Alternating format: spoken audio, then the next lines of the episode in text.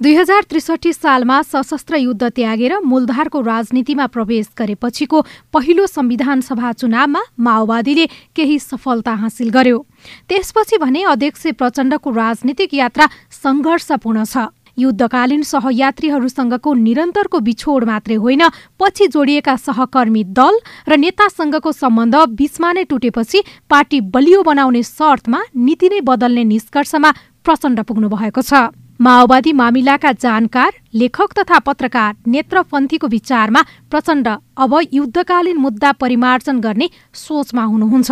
जनयुद्धकै जग र जनयुद्धकै मुद्दा प्रचण्डका लागि आज कुनै पनि आवश्यकता रहेन। उनले चाहेको के हो भने जनयुद्धको जुन विरासत छ त्यसलाई आफ्नो नेतृत्वबाट दायाँ बायाँ हुन नदिने र आफ्नै नेतृत्वमा पार्टी सञ्चालन गर्ने सकेसम्म धेरै केन्द्रीय राजनीतिमा आफ्नो भूमिकालाई चाहिँ स्थापित गर्ने अन्तर्राष्ट्रिय समुदायलाई आफूतर्फ केन्द्रित गर्ने। तीनै तहको निर्वाचनको सम्मुखमा हुन लागेको राष्ट्रिय सम्मेलनमा माओवादीले प्राप्त उपलब्धि र बेहोरेको क्षतिका विषयमा समीक्षा गर्दै आउँदो चुनावमा आफ्नो साख बढाउने नभए थप खस्किन नदिने उपाय खोजी गर्नेछ।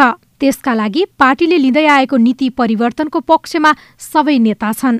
एकजना नेता सत्य पहाडी। एक्काइसौँ शताब्दीको वैज्ञानिक समाजवादतिर जाने कुरा चाहिँ अख्तियार चाहिँ गरिसकेको छ। यही कुरा सही हो कि होइन भन्ने बारेमा चाहिँ अलिकता हामी छलफल गर्छौँ त्यहाँभित्र र एक्काइसौँ शताब्दी र नेपाली विशेषताको चाहिँ समाजवादको खाका तयार गर्नुपर्छ भन्ने छ। पन्ध्र वर्ष अवधिमा माओवादीले संसदमा पहिलो पार्टी बन्नेदेखि निर्वाचनमा अनपेक्षित हार जनयुद्ध ताकाका शीर्ष नेताहरूको बहिर्गमन र एमालेसँगको असफल एकतासम्म झेल्यो। पार्टीका केही शक्तिशाली नेता एमालेमा नै रहँदाको प्रभाव कम गर्न पनि माओवादी आफ्नो विरासत फर्काउने ध्यानमा छ। नेताहरू कमला रोका तथा गजेन्द्र महत। माओवादी भन्दा बाहिर गएकाहरूलाई पनि एकताको ढोकामा खुला गर्ने हो।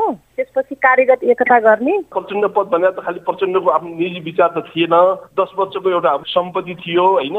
त्यो दस वर्षको सम्पत्तिलाई पनि जगेर्ना गर्दै अगाडि बढ्नुपर्छ कि भन्ने पनि एउटा कोलमार बस चलिरहेकै छ। पार्टी राजनीतिमा नै अध्यक्ष प्रचण्ड कमजोर देखिएको विश्लेषण पनि भइरहेका छन्। त्यसो हुँदा पनि राष्ट्रिय राजनीतिमा भने आफ्नो दबदबा कायमै राख्न पार्टी एकतादेखि कार्यगत एकतासम्म स्वीकार गर्ने राजनीतिक दस्तावेज उहाँले तयार पार्नु भएको छ। फेरि लेखक तथा पत्रकार नेत्रपन्थी। आफ्नो अङ्क गणितले सत्ता राजनीतिलाई हेरफेर गर्न सक्ने र त्यो शक्तिका बलमा राष्ट्रिय राजनीतिमा फेरि अर्को पाँच वर्ष आफू केन्द्रमा भइरहने देखिन्छ। यसका लागि उनले मेरो विचारमा सबै खालका ढोकाहरू खुल्ला गर्छन्। साना वामपन्थी शक्तिहरूसँगको एकताको कुरा होस् अथवा काङ्ग्रेससँग गठबन्धनको कुरा होस् अथवा जसपासँग चुनावी एलायन्सको कुरा होस्। भर्खरै महाधिवेशन सकेर आउँदो निर्वाचनमा आफूलाई अब्बल बनाउने रणनीति सार्वजनिक गरेका एमाले र काङ्ग्रेसका कारण पनि माओवादी केन्द्र दबावमा छ। त्यसैले अहिलेको नीति फेरेरै भए पनि चुनाव केन्द्रित गर्ने रणनीति सम्मेलनबाट पारित गराउने